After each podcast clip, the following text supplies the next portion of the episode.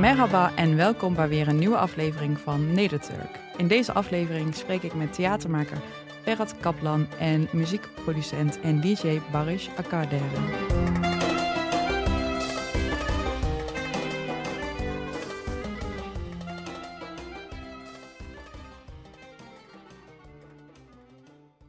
Ik behandelde mijzelf als een kaars die niet aangestoken mocht worden, omdat het zo mooi op de tafel stond. Gedurende het leven leerde ik wijze lessen van mijn omgeving. Een van die wijze lessen waren: een echte man huilt niet. Nooit. Als je te veel huilt, dan zal de gemene wereld misbruik van je maken, leerde ik. En als ik het dan toch deed, dan werd ik boos op mezelf. ik was bang dat ik zou smelten. De man in mijn kringen die huilde niet. Zij hadden een schild die ze beschermde tegen de tranen. En een stukje van dat schild kreeg ik van ze. En elke keer als het me lukte om niet te huilen, voelde ik dat het een beetje sterker werd. De jongens in mijn klas droegen ook een schild. Net als de mannen die we zagen op televisie en in films. We deden ze na en we speelden riddertje. Heel soms, als ik alleen was, legde ik mijn schild even af, dan zocht ik het verdriet in mezelf en vocht ik de tranen naar buiten. Alsof ik een app downloadde die me in contact bracht met mijn gevoel. Als ik dan weer oké was, verwijderde ik de app weer, pakte ik mijn schild op en mocht ik weer buiten spelen. Hoe sterker mijn schild werd, hoe moeilijker het was om het af te leggen. Hoe sterker mijn schild werd, hoe zwakker ik zelf. Ik ontmoette een vrouw. Zij had geen schild. Zij versierde haar wangen met parels van verdriet. en ik vond het prachtig. Dat wilde ik ook. Ik wilde geen schild meer zijn, maar een schilderij. Maar zonder schild herkende zij mij niet meer. Ze dacht dat ik een vreemde was, een watje, een softie, niet de sterke man met wie zij mee naar huis was gegaan. Het schild was onderdeel van mij. Ik was het schild, het schild verrot. Ik heb veel impulsieve dingen gedaan om het huilen tegen te gaan. Ik heb seks gehad met mensen waar ik eigenlijk geen seks mee wilde. Ik heb gedronken, gebluft, gebruikt en geleefd. Ik heb spullen kapot gemaakt, maar ook vriendschappen. Weet je, mijn schild, mijn schild maakte een gemene man van me. En het stomme was dat ik uiteindelijk altijd spijt kreeg. Ik probeerde het verdriet weg te gummen, maar het werd alleen maar groter. Tot het groter werd dan ikzelf. Tot mijn schild brak en ik naakt stond. Maar ik bouwde nieuw schild, ego. Ik bouwde nieuw schild, lust. Ik bouwde nieuw schild, alcohol.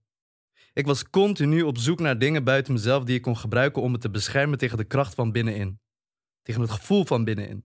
Ik bouwde muren, slotgrachten, torens. Ik schuilde voor de wereld in mijn afbrokkelende fort tot ik alleen nog maar mezelf had. Opgesloten in een torenkamer. En daar, ver weg van de wereld, nam ik de ruimte tot me. Zonder anderen om me heen kon ik naar mezelf luisteren. Zonder ruis van ego's was ik in staat een traan te laten. Door een herinnering, een emotioneel moment in een film, door mensen die afscheid namen of hallo zeiden. Ik leerde dat een man die durft te huilen pas echt sterk is. Ja, en ik oefen mezelf. Ik leer naar mijn gevoel te luisteren en wanneer ik de behoefte voel, huil ik. Alleen of in gezelschap, bij vrienden, bij familie, in de tram of op de fiets. Weet je, dit, dit is een ode aan de huilende man. Laat elke traan die over je wang stroomt een middelvinger zijn naar iedereen die jou ooit heeft verteld ze binnen te houden. Prachtig, dankjewel. Even een Dank. applausje. Dank je, dank je. Dit stuk eh, is eh, door Ferhat geschreven en geregisseerd en eh, onderdeel van het theatergezelschap Boys Won't Be Boys. Een initi- initiatief van Rickert van de Huissteden, maar daarover later meer. Ehm, dit monoloog van Ferhat dat jullie zojuist gehoord hebben is eigenlijk een voorbeeld ehm, van het onderwerp waar wij het vandaag over gaan hebben, toxic masculinity, oftewel giftelijke mannelijkheid. Een aantal jaar geleden stuitte ik op een gedicht van Naira Wahid, een van mijn favoriete poëten. En nooit eerder vatte een stuk tekst zo goed samen wat het gevaar is van de overtuigingen en stigma's die wij als maatschappij hebben over mannelijkheid. Er bestaat een eenduidig beeld over wat mannelijkheid zou moeten zijn. En dat beeld is gevaarlijk voor iedereen. Ik zal nu even de tekst van het gedichtje voorlezen. There have been so many times I have seen a man wanting to weep, but instead beat his heart until it was unconscious. Nou, dat eh, komt heel erg overeen eh, met dat stuk eh, van jou net, Ferhat. Ja. Ehm, Ja, heren, opgroeien met de geïnternaliseerde gedachte van dat je een man moet zijn en dat daar van alles bij hoort. Ik kan me daar niks bij voorstellen. Ik heb wel gezien dat het veel leed oplevert. Hoe is dat voor jullie? Ja, het is moeilijk. Want aan de ene kant, het is eigenlijk vergelijk ik het met leren voor een tentamen. Weet je, je hebt een bepaalde samenvatting, je leert bepaalde delen en je weet wat je moet zeggen. Dat Maar- gaat, En hoe leer je die samenvatting? Hoe wordt, wordt het je gedurende je leven opgelegd? Of? ja, precies. Zoals ik al eh, zei, van, je ziet het in films, op tv. eh, je vader vertelt je hoe je het moet doen, je neefjes, je vrienden. Weet je, je leert van, oh, een man helpt niet. Of eh, je moet niet laten merken als je emotioneel bent. Die, eh, en, en dat maakt het zo moeilijk, want van binnenuit voel jij bijvoorbeeld, oh, dit maakt mij verdrietig of dit maakt mij boos. Mhm. Maar er worden allerlei grenzen opgelegd vanuit de maatschappij en je moet je daarin eh, bewegen. Mhm. Ja, en je weet, ook, je weet ook niet wat het alternatief is of zo. Dus je, het is niet eens dat je Mm. bewust bent van... ik leer nu dat dit is wat mannelijkheid is. Het is meer een soort van een given dat het is zoals het is. En tot een zekere leeft, op een zekere leeftijd ontdek je hopelijk dat het ook anders kan. Maar als je dat niet ontdekt, dan weet je ook niet dat er een andere optie is dan hoe je het gewend bent, zeg maar. Ja, dus je hebt niet echt een duidelijk voorbeeld van hoe het ook kan. Hoe je een soort van alles kan zijn Ja, in, Ja. in een persoon. ja. Dus het is misschien het is nog meer dan leren, zeg maar. Het is het gewoon, jij bent dat gewoon. Ja. Je moet het later zien te ontdoen, zeg maar. Ja, Ja, en nou geldt het natuurlijk voor dat ehm in alle samenlevingen eh, bepaalde eh, stigma's ehm, gelden. Ehm, en wij hebben het nu specifiek over de Nederlands-Turkse identiteit. En eh, de verheerlijking daarvan, merken jullie, kun je, kan je daar iets over zeggen, Ferhat? Jij in je werk. Hoe ik het zo zie is, als ik zeg maar de Nederlandse en het Turkse gedeelte apart van elkaar hou, Mhm. dan merk ik heel erg dat bij de Turkse gedeelte zit het er een beetje dik bovenop, soms. Eh, dat hoor je in liederen, dat zie je in films. ehm, dat wordt, ja, zoals ik al zei, in de kringen wordt dat gedeeld. En bij de Nederlandse eh, deel is het meer sneaky. Begrijp je dan wat ik bedoel? Mhm. Van, oh, je mag zacht zijn, maar als je het doet, dan word je daar wel op afgerekend. Dus Interessant. en wat ik ook heel erg heb, is zeg maar in de eh, Turkse, eh, in mijn Turkse kringen, wordt mijn zachtheid ook wel gewaardeerd. Weet je wel, zegt ze van, eh, het is een zacht persoon, hij is lief, hij is een goed mens. Dat wordt daar ook aan gekoppeld vaak. Maar bij de Nederlandse eh, cultuur merk ik vaak dat mensen dan zeggen, oh hij is zwak, hij is een watje. Of weet je, wat is er mis met hem? Dat, zo ervaar ik het soms. Ik denk die tweedeling. Dus dat, Nederlandse, dat het in de Nederlandse cultuur nog erger is eigenlijk. Beetje sneaky, ja. Ja, Mm. dat is wel interessant dat jullie dat zeggen. Dus je zegt in de Nederlandse omgeving is het er ook, ehm, maar wordt het misschien minder, als ik jou goed begrijp, soort van verheerlijkt in muziek en, en film, waar wij het eh, vandaag ook over gaan hebben. Ehm, niet zo specifiek in ieder geval. Maar je merkt ook in de Turkse omgeving dat een vorm van zachtheid daar heel erg gewaardeerd wordt. Zo ervaar ik het, ja. Ja. Is dat iets wat jij ook herkent? Waar is die zachtheid dat die... Mm, ja, sowieso. Die zachtheid ook. En ook dat andere wat je zei. De, ook het idee dat de Turkse cultuur is ook iets uitbundiger en excentrieker, extremer of zo. Dus alles wat, alles wat goed is, is heel goed. Alles wat slecht is, is heel slecht. ja. Dus als je een keer huilt, dat kan makkelijker. Ja, maar dan moet je Ja. ook echt heel erg huilen. En dan, dan moet je ook in je polsen snijden van verdriet.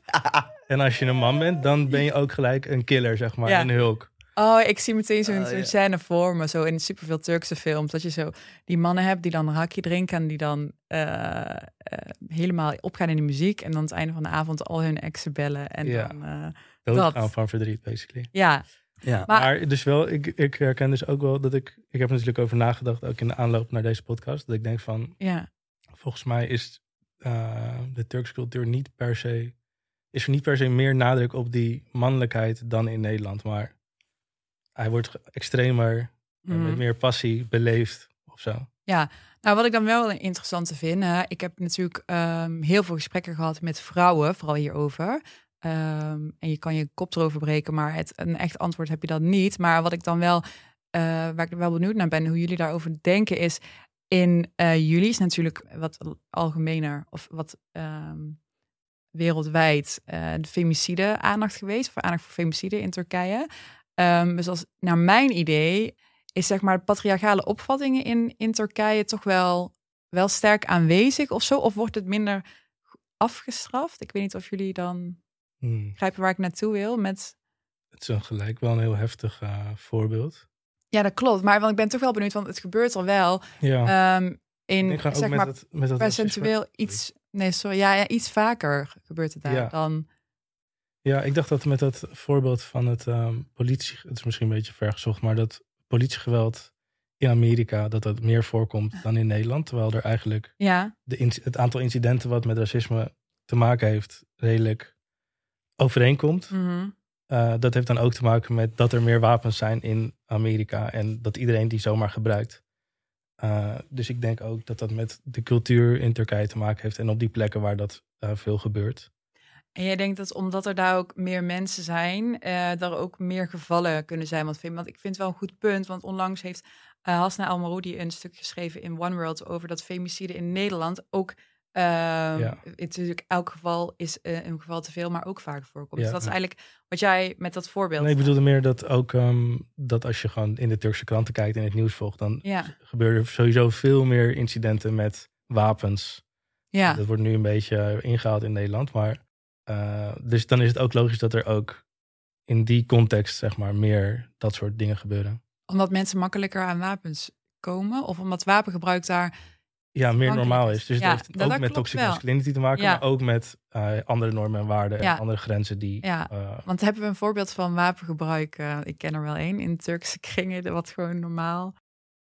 ja, bruiloften. Ja, dat was. Ja, ja, ja. ja, dat was waar ik Ja, naar, eh, naar viste. Ja. Is dat, herken jij dat, Ferhat? Denk jij daar ook zo over? Dat zeg maar, we van alles kunnen zeggen over de patriarchale opvattingen ehm, die in Turkije bestaan ten opzichte van, van, van hier in de Turkse omgevingen. Ehm, maar dat er ook wat valt. Nou, Wat- ja, ik, ik bekijk het anders. Ik eh, bekijk het gewoon zo van, er eh, wordt iemand vermoord.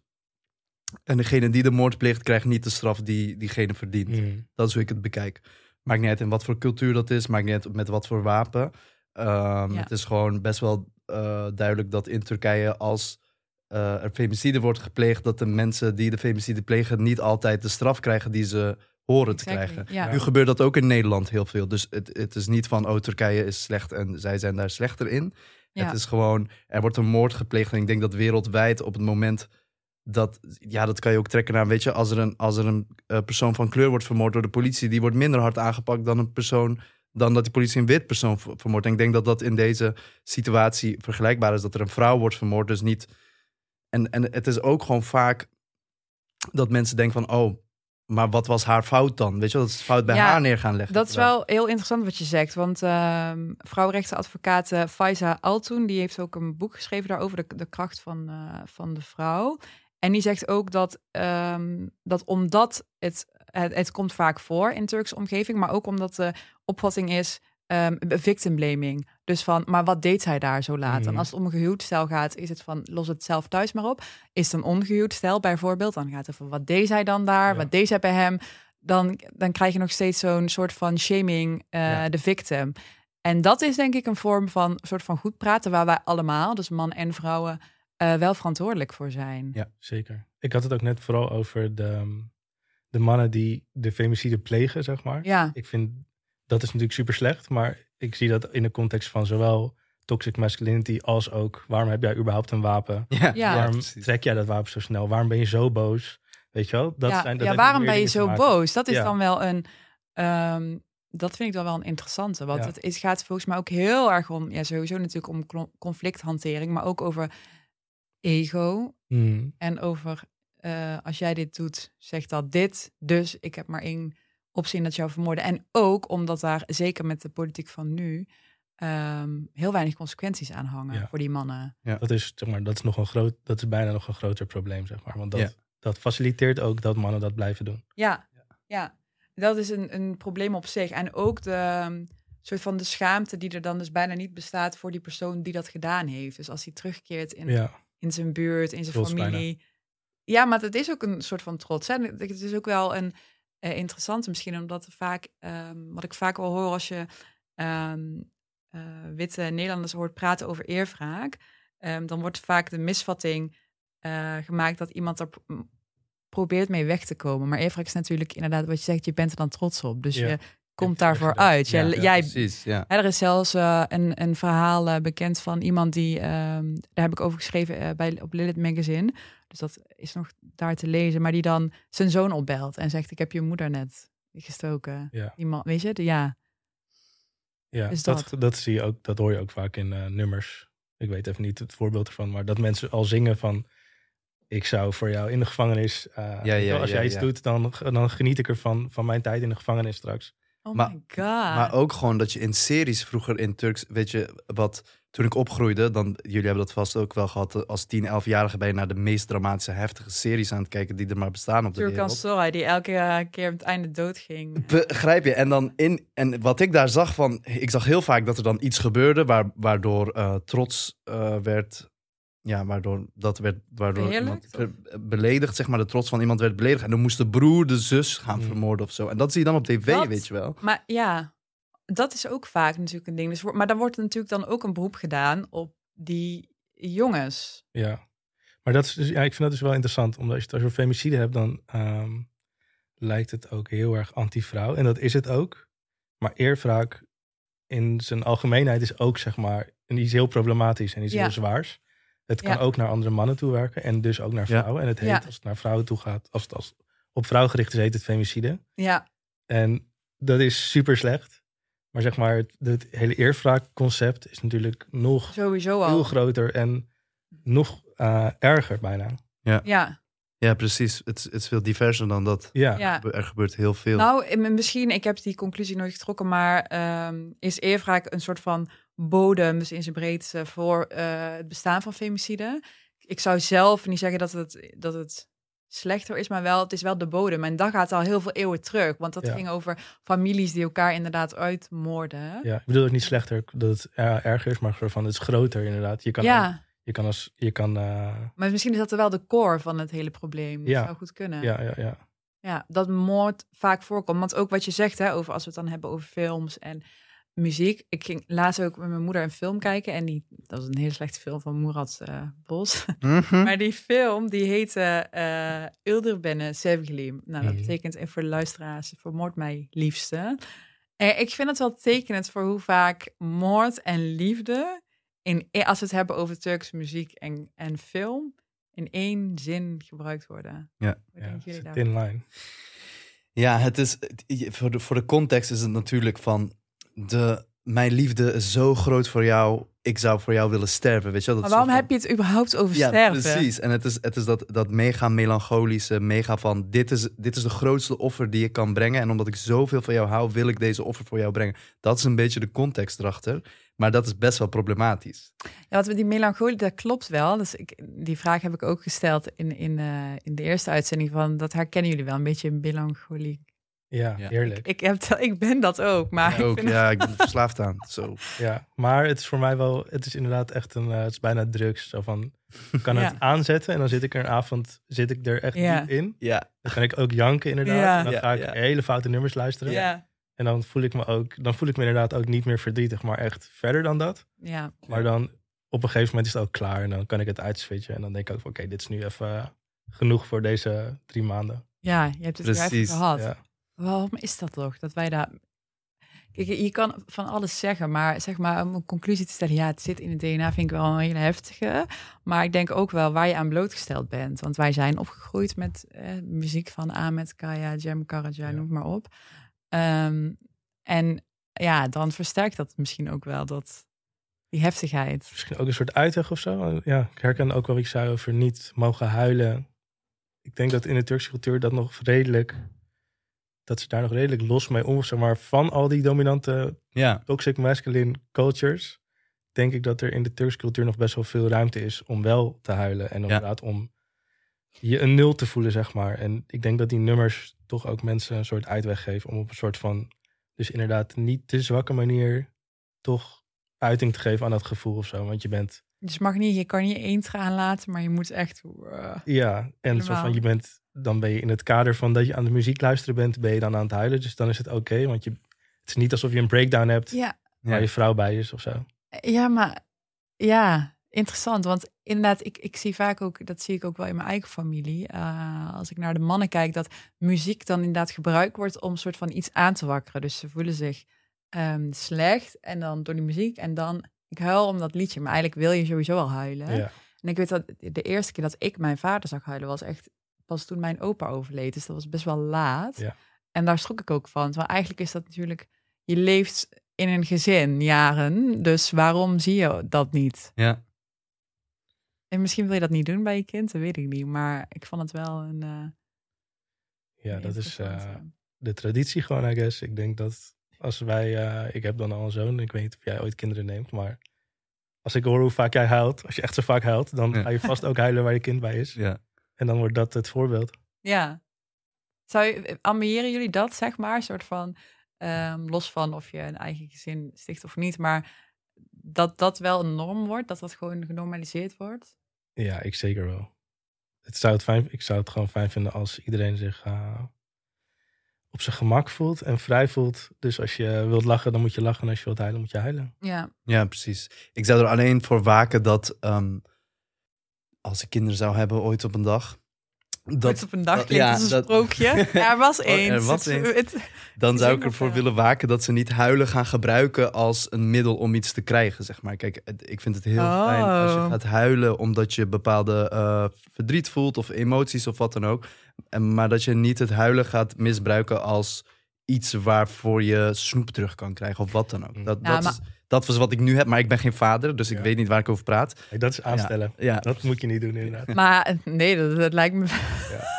Die, helaas kun je volgens mij eh, die eh, bestelling niet doen. Nee. Ja, ik wil niet dat kinderen. eh, want ik denk dat sowieso, ja, dat is natuurlijk psychologisch. Als je iets nodig hebt of wil, dan huil je als baby. En Ja. ik denk dat wij als Ja. mensen dat ook doen. We hu- huilen ook vaak wel uit frustratie. Ja, ik denk dat, dat, dat het een Ehm. andere skill is, zeg maar. Het ene is een soort van chantage skill. Ja. Ja. En het andere Ja. is, zeg maar, durf je jezelf. Ook belangrijk om te ook- leren. Precies. Ik denk dat kinderen dat wel sowieso leren. Ja. Maar dat, dat andere vind ik wel heel belangrijk inderdaad. Dat alle kinderen eigenlijk leren uiting te geven aan hun verdriet. Ja. Maar ook aan hun geluk. Maar Ook aan hun geluk, hun, ja. ja, precies. Ja, huilen van blijdschap. Ja.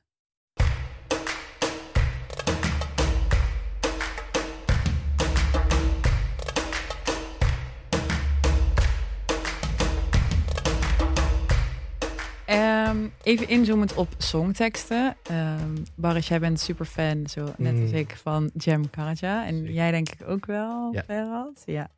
Ehm, ik heb heel veel over nagedacht. Ik kwam er niet uit. Zijn nummer, Namus Belasi, gaat het nou over eh, femicide is slecht. Femicide eh, is iets wat voorkomt en hij heeft er geen mening over. Of verheerlijkt hij Hmm. in zijn nummer eh, die gedragingen?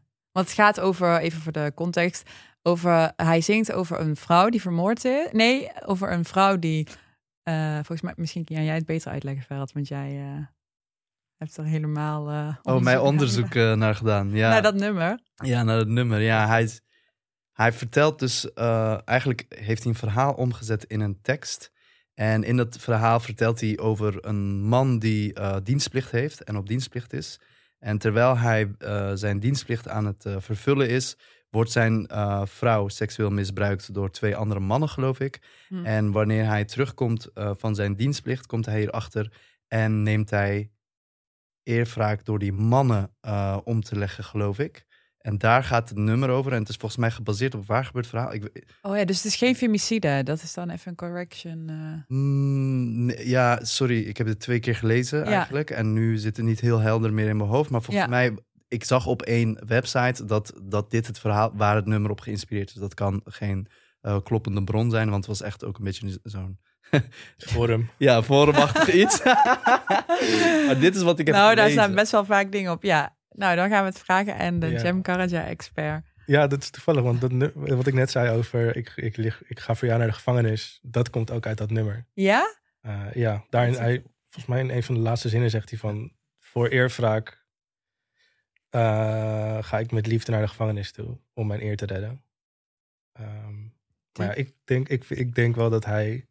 Ik denk dat in dit nummer dat hij het beschrijft vanuit een soort van... eh, ja, hij beschrijft het gewoon een soort van neutraal. Mhm. Maar er zit een ondertoon in van afkeuring. Maar er zit Ja, daar een- hoopte ik al op, want Ja. ik dacht, hij linkse activist, maar ik... Ja, ik, ik heb, is maar ook als je de rest van zijn eh, werk natuurlijk kent, dan weet je ook dat hij dat afkeurt.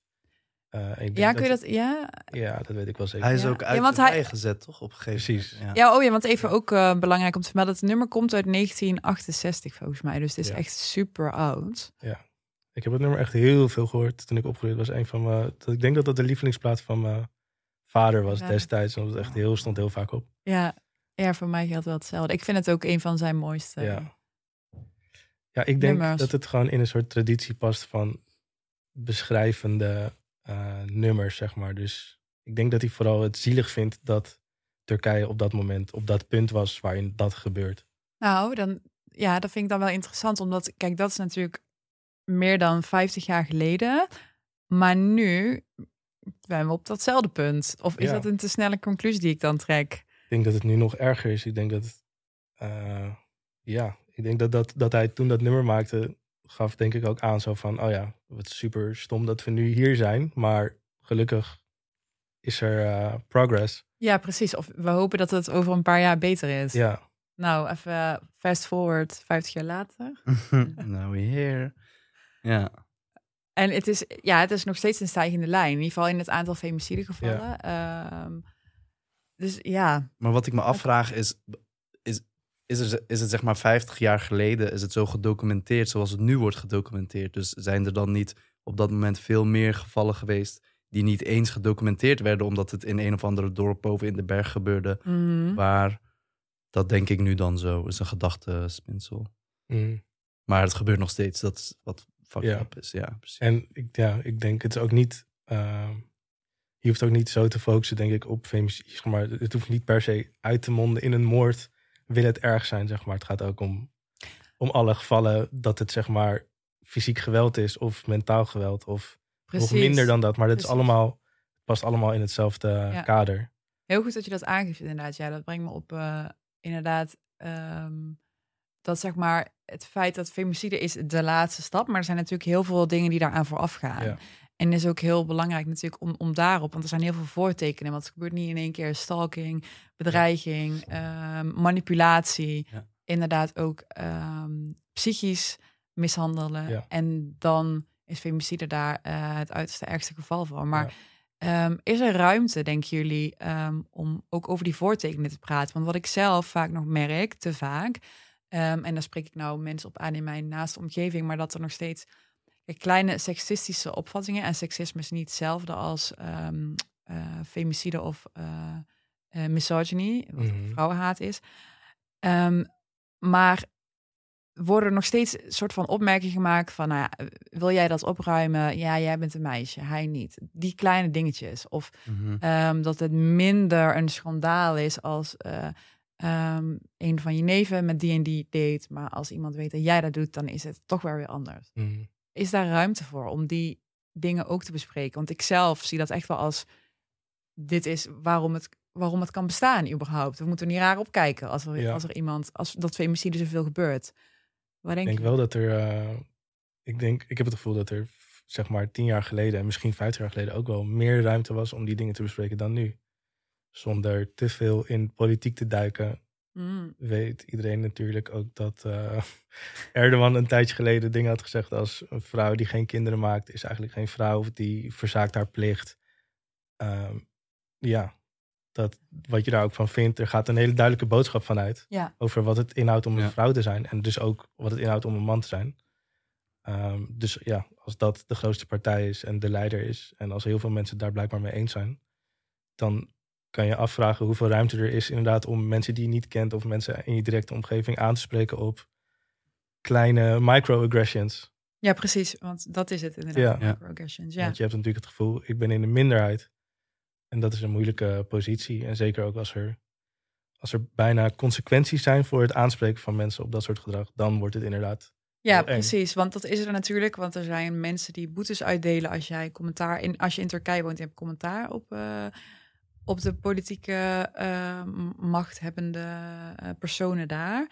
Ehm, hoe denk jij verder dat dat hier zit in de Nederlands-Turkse omgeving? Is daar nog wel ruimte voor om dit specifiek te bespreken. Dus al die voortekenen, al die microagressies, wat Baris net. Ja, voor mij, voor mij zijn het echt twee eh, verschillende dingen. Dus de, de Turkse cultuur in Turkije en de, de cultuur van de Nederlandse Turken hier. Mhm.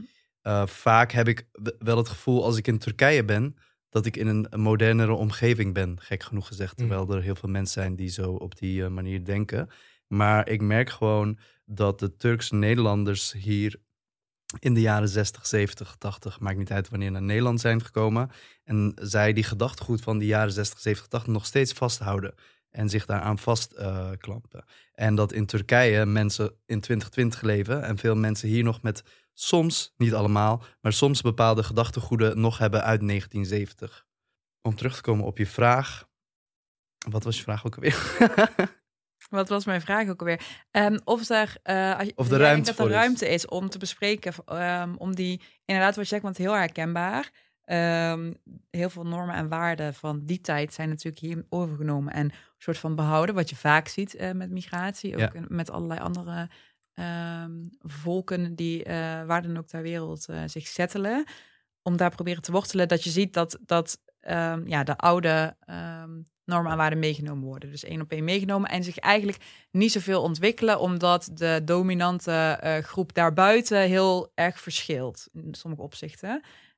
In andere ook weer niet. Maar de vraag was dus inderdaad of jij denkt of ziet dat er in de Turks-Nederlandse omgeving ruimte is om die om mensen aan te spreken op dat gedrag. Dat we elkaar gewoon hè, kritiek kunnen geven op elkaar zonder dat iemand daar persoonlijk eh, door aangevallen voelt. Maar van hé, hey, wat je nou zegt, dat is eigenlijk een microagressie. Ja. Dat is eigenlijk seksistisch. Ik denk eh, dat daar wel ruimte voor is. Ik denk dat elke generatie weer een bepaalde ontwikkeling met zich meeneemt. En onze generatie is daar al een stuk eh, vrijer en makkelijker in, naar mijn gevoel, dan de vorige generaties. Ik bedoel, wij zitten hier een podcast te maken hierover. Dat, Ja, is, dat is al een teken, weet je wel. Dus ik denk dat er zeker wel ruimte is, maar dat er ook wel eh, plaatsen zijn waar je dat liever niet doet, omdat je er niet altijd zin in hebt, weet je wel. Ik heb daar niet altijd zin in. Ik heb niet altijd zin om iemand aan te spreken op racisme, of ik heb niet altijd zin om iemand aan te spreken op seksisme. Ik heb niet altijd Ja, maar ja, het, het kan dus wel. Ik heb zeker bepaalde Turkse kringen waarbij ik dat kan doen en dat kan bespreken. Maar er zijn ook kringen waarbij niet. Waarbij ik het. ja want ik geen zeg maar als vrouw vind het heel fijn om, om hier dus met jullie over te, te spreken. En ik zou jullie wel willen aanmoedigen om dat als dat kan te doen. Want als ik het doe, is het toch anders. Snap je wat ik bedoel? Ja, precies. Ik doe het ook wel vaak hoor. Ik heb vaak. doe wel- het voor mij. Nee, Ja, maar... maar dat is meer iets wat ik niet alleen in Turkse kringen doe. hoor. Ik doe het ook. Ik doe het meer bij mijn Nederlandse vrienden dan Turkse vrienden. Ja. Want ik merk vaak dat ehm, in, in Turkse, mijn Turkse vriendenkring of Marokkaans of wha- whatever. Daarin eh, is het heel anders. Daarin hoef ik minder vaak te zeggen van... yo, dit is echt respectloos, dit is seksistisch... dan dat ik bij mijn Nederlandse vrienden moet doen. Want mijn Nederlandse vrienden, die kunnen er echt wat van. Dat is echt intens. Ik heb een paar vrienden met mannen onder elkaar... waarbij ze gewoon bepaalde dingen zeggen waarvan ik denk... wauw, dit kan echt niet. ja. En dan grijp ik altijd in. Ik Ja. zeg er wel wat van. Ja, Ja. Het is ook moeilijk om te hebben over de Turkse cultuur natuurlijk. Ja. ja, die bestaat Maar- natuurlijk ook niet. Hè? Precies, bedoel, we dus hebben- ik omring me, ik heb veel Turkse vrienden, maar ik omring me wel met het soort mensen waarbij ik inderdaad kan huilen als dat nodig is. En Mhm. Ja. die zelf ook kunnen huilen bij mij. En waarbij we deze onderwerpen bespreken. Ik zou nooit, ik zou nu op deze leeftijd niet meer bevriend kunnen zijn met iemand die ehm, over al dat soort grenzen heen gaat die voor Ja. mij belangrijk zijn. Ja. Dus het is een soort van bijna niet aan de orde. En Ja. eh, En dat is wel fijn. tegelijkertijd is het inderdaad super moeilijk om mensen daarop aan te spreken. Ja, Zeker als je ook nog eh, andere soort van constructies erbij komen kijken. Dat je bijvoorbeeld iemand moet aanspreken die eigenlijk ouder is dan jij of een Ja. oom.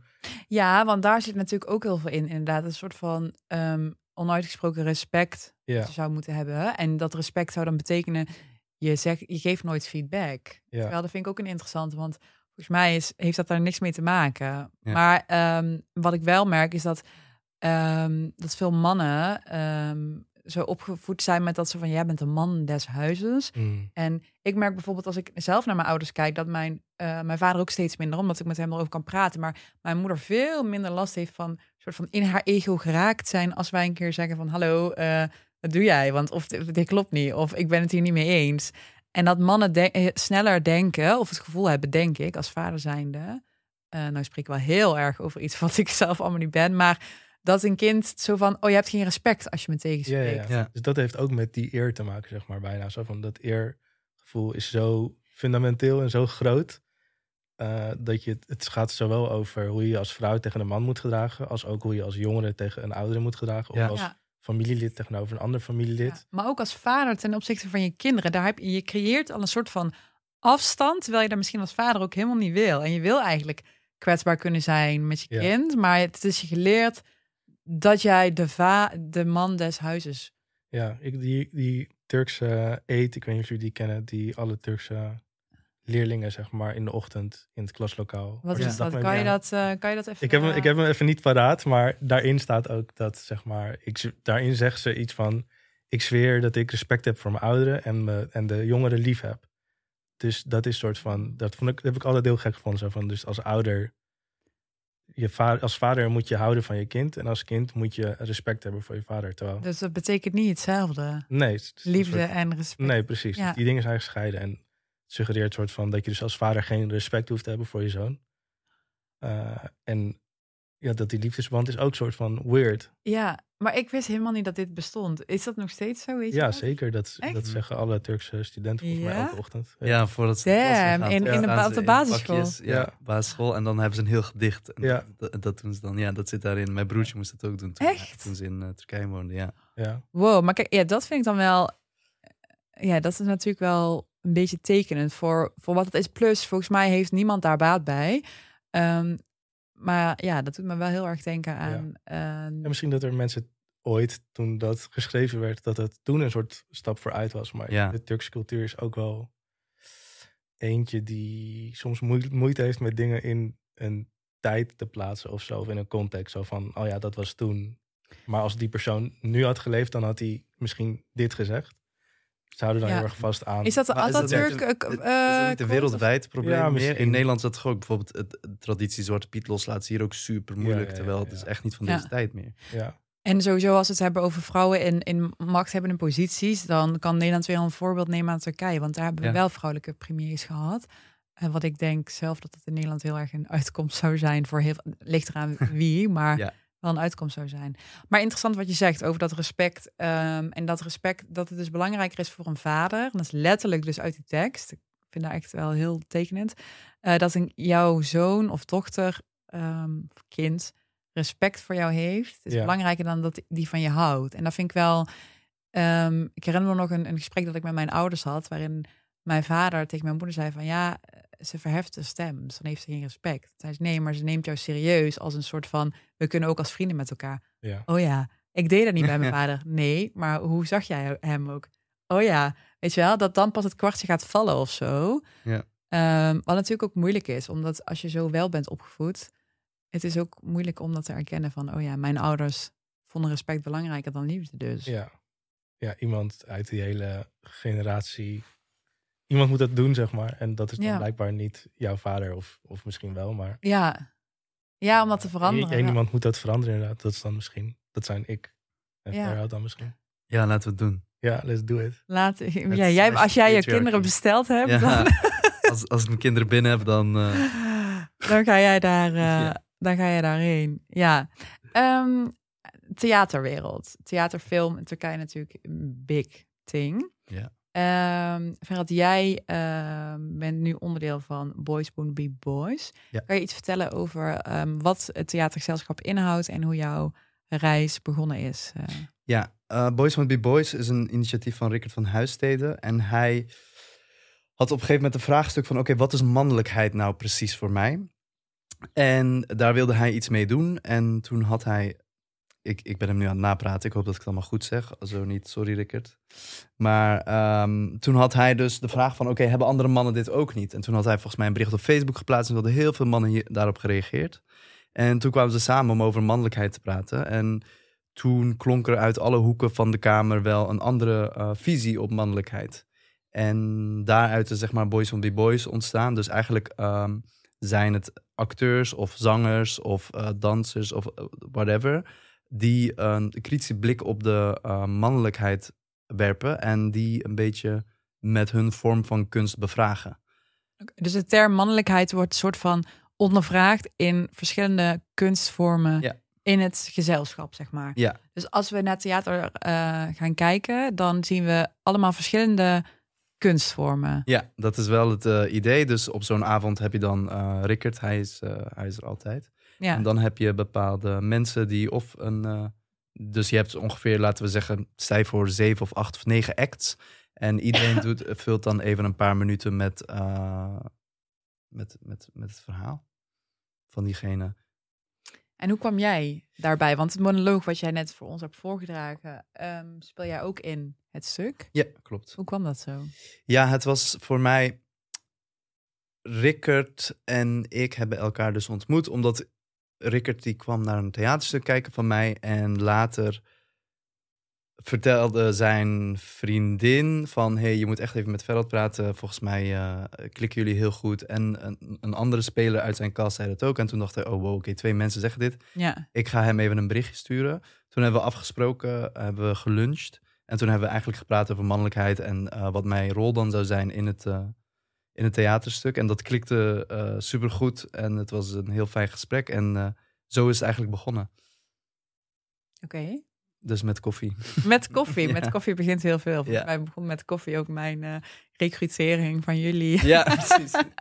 Ik heb met jou in hetzelfde café, café gezeten als met Rickert. Oh, echt? Ja, Oh ja, een leuk café was dat. Ja. Heel leuk.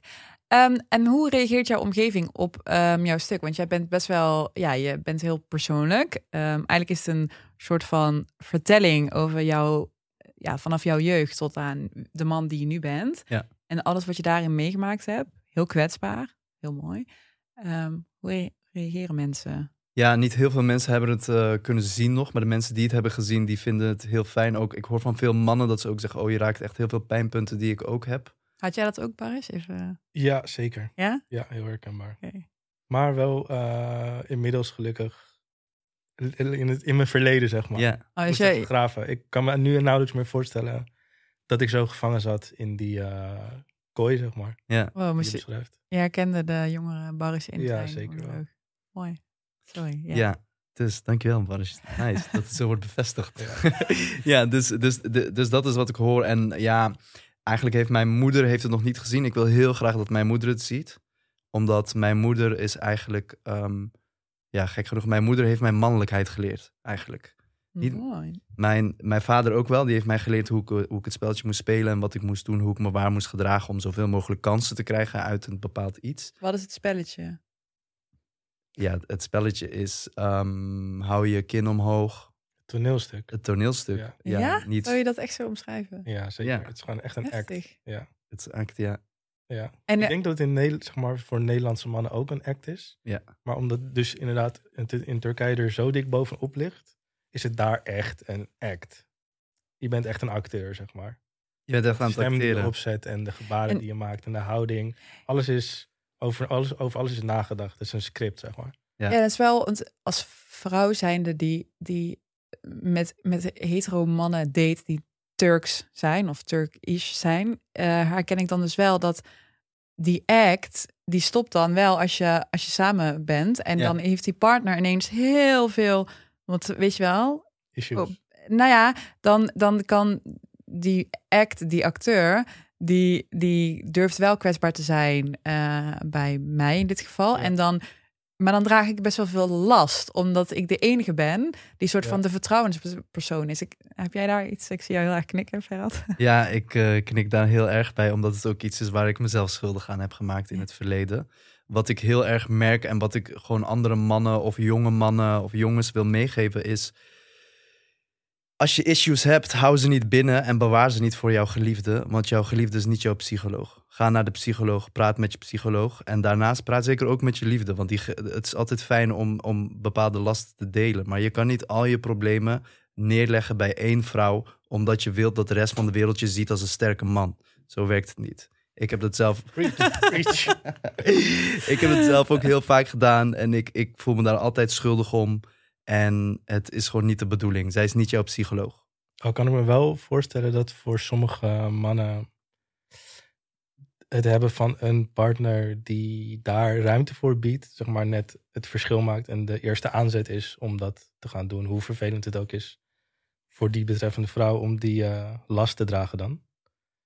Ja, Ehm, ja, maar dat dat fijn is, bedoel je, als dat kan. Nou, dat het niet fijn is voor die vrouw als het als vervelend wordt ervaren. Maar als die Ja. vrouw er de kracht voor heeft en inziet van... oh ja, dit is een mooi proces wat nu in gang wordt gezet. Ja. Ja. Dan Ik- kan het ook fijn zijn. Ik kan me ook voorstellen dat je juist niet wil dat eh, een man gevangen blijft in die act... terwijl Ja. je een relatie met die man hebt. Ja, Ja, ik denk dan ook wel dat er een verschil in dynamiek is in ehm date je met iemand die uit dezelfde omgeving komt of niet. Want voor mij persoonlijk was het wel vaak. Er zijn dan issues waar ik. Ik heb daar zelf altijd last van gehad opgroeiend. En dat komt niet per se omdat ik eh, uit de Turkse omgeving kom, maar in mijn geval wel. Ehm, en dan heb je dus iemand die die last bij je neerlegt, terwijl Mhm. zelf, als ik dan voor mezelf spreek, daar ook altijd last van hebt gehad. Als je dat misschien niet hebt en je komt met een clean sheet of zo, dan natuurlijk zijn er altijd in Ja. relatie is het geven en nemen en heb je het daarover.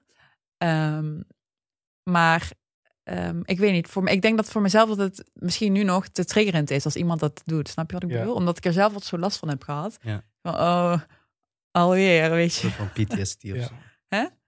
Posttraumatische stressstoornis. Ja, dat denk ik dan wel. Want dan om, kun je gewoon dan je eh, grenzen goed aangeven. Dat je, dat, dat je daar niet op zit te wachten. Of kan je misschien aangeven. Ja, maar weet je, je begrijpt het heel goed. Ja. Dus je snapt het. Dus je hebt dan sowieso al een soort van connectie. Ja. Maar je, ja, je weet ook van... ehm, maar ik heb hier zoveel last van gehad. Ik moet daar eerst zelf uitkomen. Voordat...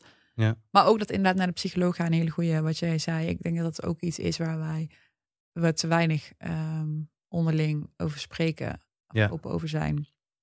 Ja, ik merk ook in Turkse omgeving, als je naar de, tenminste zo ervaarde ik het tijdens opgevoed, als je naar de psycholoog gaat, oh, dan is er echt iets mis met jou. Ja. Dan ben je echt ziek.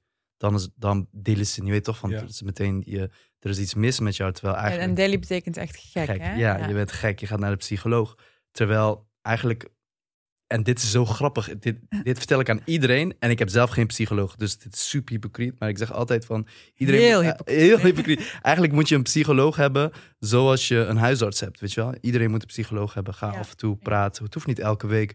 Maar ik doe het zelf niet, snap je? En dat heb ik zo in mij. En dit is zoiets, dit heb ik altijd, denk ik, waarom ga ik niet gewoon? Maar toch houdt iets mij tegen. Nou, heel herkenbaar. vanuit, ja.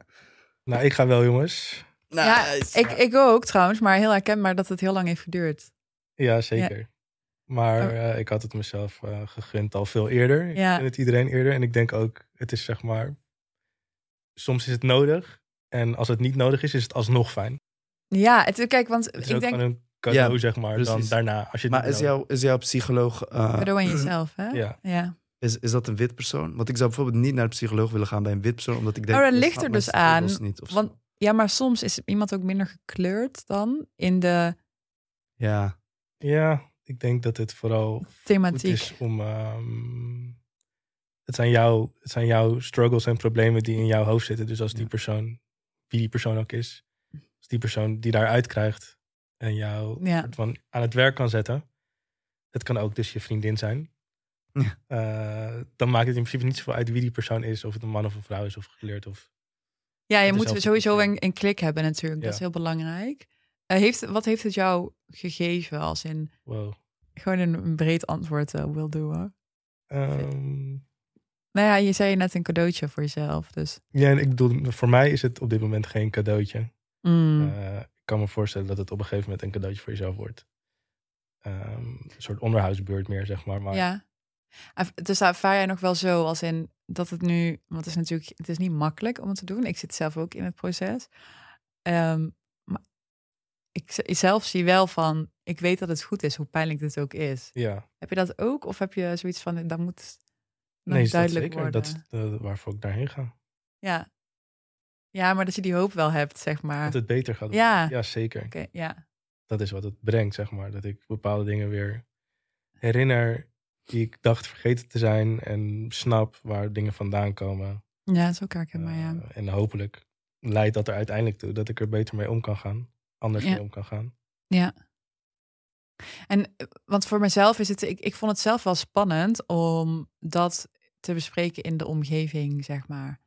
Maar ik heb het wel gedaan en er wordt ook steeds beter op gereageerd. Is dat iets wat jij ook herkent? Dat mensen dat wel steeds normaler gaan vinden? Dat is wat we net over hadden over dit daily, dat het al... Ja, ik heb in mijn opgaat. eigen zeg maar, vriendschappelijke omgeving heb ik eigenlijk alleen maar mensen die of zelf ook naar therapie gaan of naar een psycholoog gaan of dat hebben gedaan. Ja. Daar wordt echt super normaal op gereageerd. Het is bijna, ik heb bijna minder, misschien wel minder mensen close die niet gaan.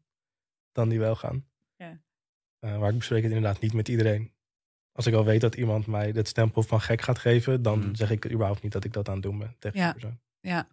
Nee, daar is het ook natuurlijk te cruciaal voor of zo. Ja. Ja, maar ik herken ook zeker wel wat jij zei, Ferret, dat er een soort van geïnternaliseerde voor mijzelf afkeer was tegen mensen die dat deden, omdat ik het echt labelde als ben ik zwak en dat kan niet en ik kan alles zelf oplossen.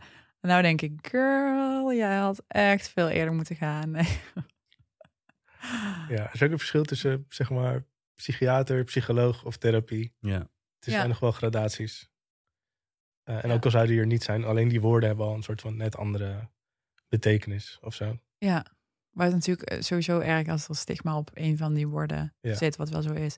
Dus misschien, Ferret, je bent nog jong. ja Sorry, dat is heel erg aging. Dankjewel. Maar jouw stuk is natuurlijk ook wel een soort van een vorm van therapie, kan ik me voorstellen. Ja, ik, zie, ik heb het ook altijd zo. Hoe, hoe ik het voor mezelf een beetje heb ingericht, is wanneer ik op een donkere plek ben, dan ga ik eh, dingen maken, schrijven, schilderen, Mm. tekenen. Ik weet niet. En dat is dan voor mij zo heel bevrijdend. En dan ben ik soort van weer opgeladen en dan ga ik weer door. Maar dit is al iets waar ik heel lang mee struggle. En eh, ik wil echt wel naar een psycholoog gaan op een gegeven moment. En ik heb ook echt heel veel respect voor jullie dat jullie dat doen. Want het, het lijkt me geen makkelijke. Het is niet iets wat je voor je lol gaat doen. Het is niet van, oh jee, ik ga naar een psycholoog, denk ik dan. Uh, op een gegeven moment misschien wel, maar ik heb daar wel heel veel respect voor de mensen die het doen. En ik zie het voor mezelf ook wel als levensdoel om het uh, op een gegeven moment te gaan doen. Maar zo, als ik dingen maak, dan denk ik, oh, het is weer goed nu eventjes. Mm, dat is ook heel herkenbaar. Nu kan ik weer even. Maar ook al wat je zegt, ehm, wat jij ook zei, Paris, van het is.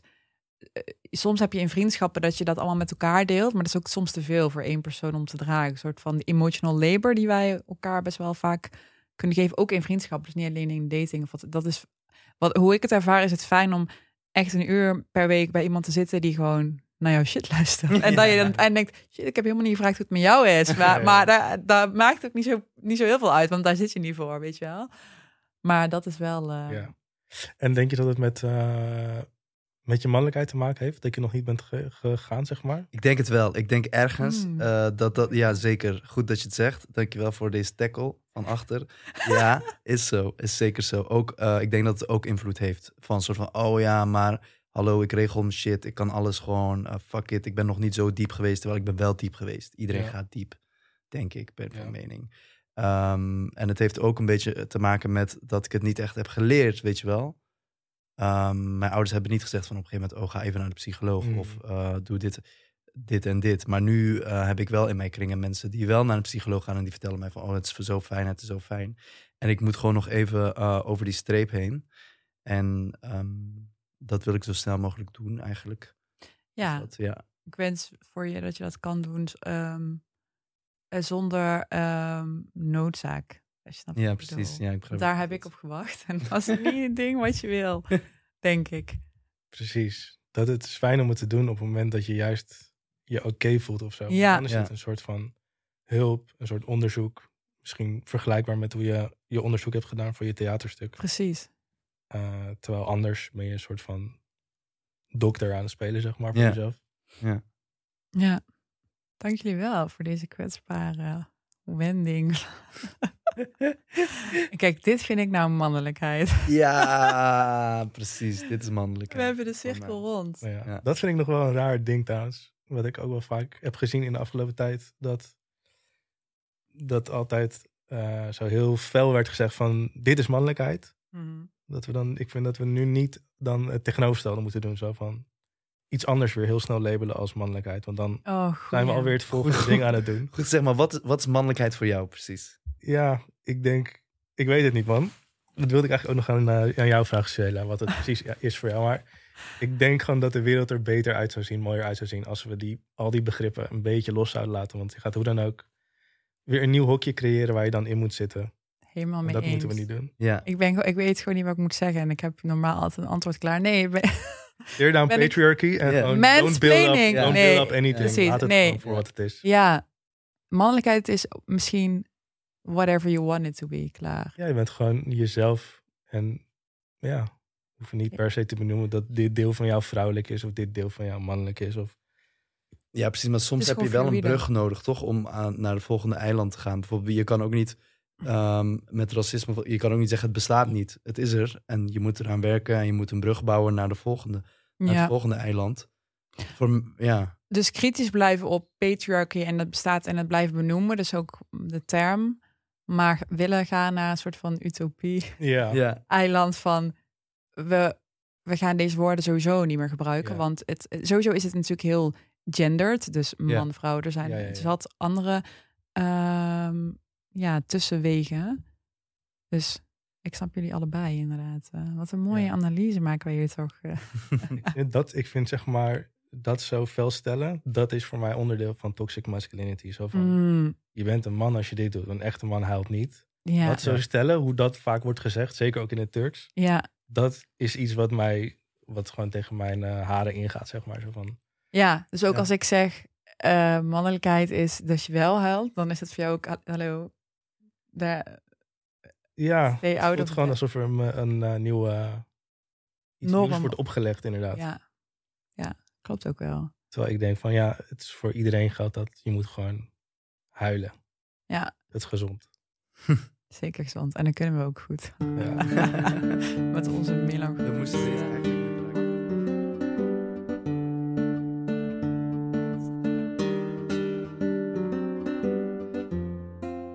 heb ik nog de laatste vraag voor jullie. Wie of wat doet je het meest denken aan Turkije? Bij mij zijn het de bergen. Bergen. Als ik bijvoorbeeld eh, over de grens heen ga en ik ben in de Ardennen of ik ga naar Duitsland of waar dan ook en ik zie bergen, Hm. dan krijg ik een soort van gevoel van thuis of zo. Omdat in Turkije vroeger waren we, ik kom, mijn ouders komen uit een dorpje in de bergen en daar gingen we vroeger ook vaak naartoe. Dus ik heb een soort van diepe connectie met bergen. En als ik dan een berg zie, dan denk ik, oh, Turkije. Maar dat is helemaal niet, want dat is dan de Ardennen, maar gewoon Maar het is wel berg. fijn, dus je hoeft niet zo ver te rijden om je thuis te Om het thuis te voelen, Of ja. ja. van Amsterdam wel, maar Ja. Ja, precies. Dus dat doet me denken aan Turkije, de bergen. oké, mooi. En Ik heb jou? dat met eh, stank. ik weet precies wat je... Ik wist niet wat ik... eh, zeg maar Oh heel veel dingen God. denken gedurende de dag. Ook omdat Oh ik vrienden heb die daar gewoon wonen. Dus ik krijg dingen van hun mee. Ja. Maar wat echt een sick gevoel is, wat ik niet kan uitleggen aan mensen die dat niet snappen, is gewoon soms als het warm is en er staat een vuilnisbak open of asfalt en gewoon die stank. Ja, En benzine. dat mensen dat vies vinden en benzine inderdaad. En ik ga daar super lekker op. ik hou gewoon van die lucht. Eh, en het maakt me ja, melancholisch. Herkenbaar. En op dat soort momenten besef ik van, oké, volgens mij mis ik Turkije nu zo erg dat ik deze stank, zeg maar, als iets moois ervaar. Ja. Dat is vaak mijn cue om een eh, ticket te boeken. Oh, vet. Heel herkenbaar. Stank, ja. Toen je zei Geuren stank, sowieso, wist want- Meteen wat je Ja. voelde. Ja, ik, ik ruik het ook meteen. Ja. Met, gemengd met eten en Ja, hitte en asfalt. En, ja.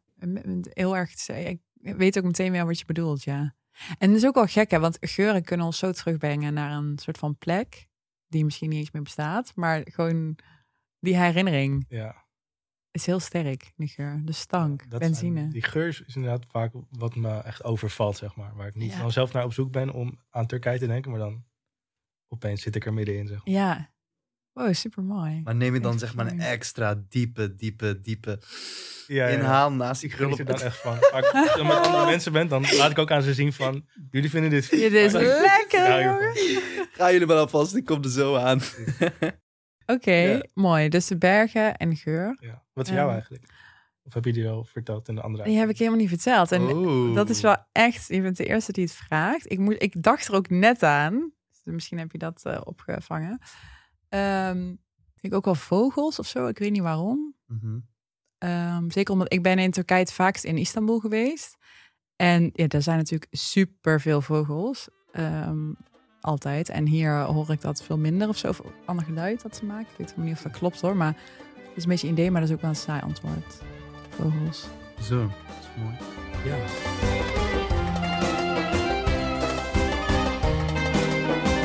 Lieve luisteraars, bedankt voor het luisteren. Dit was voorlopig de laatste aflevering van de serie Nederturk, die onder podcast productiehuis Foefo en Dadels gemaakt is. Ik wil graag mijn collega's van Foefo en Dadels bedanken, Ilham, Halida en Chris. En ehm, onze eh, mediapartner Dag en Nacht Media. En mijn lieve buurvrouw en tevens producent van deze serie, Lisa Jansen, oftewel Big Vegan Sister. En als laatste ook een shout-out aan jullie, al mijn gasten, Baris, Ferhat, Suzanne, Bergsoen en Chidem. Bye!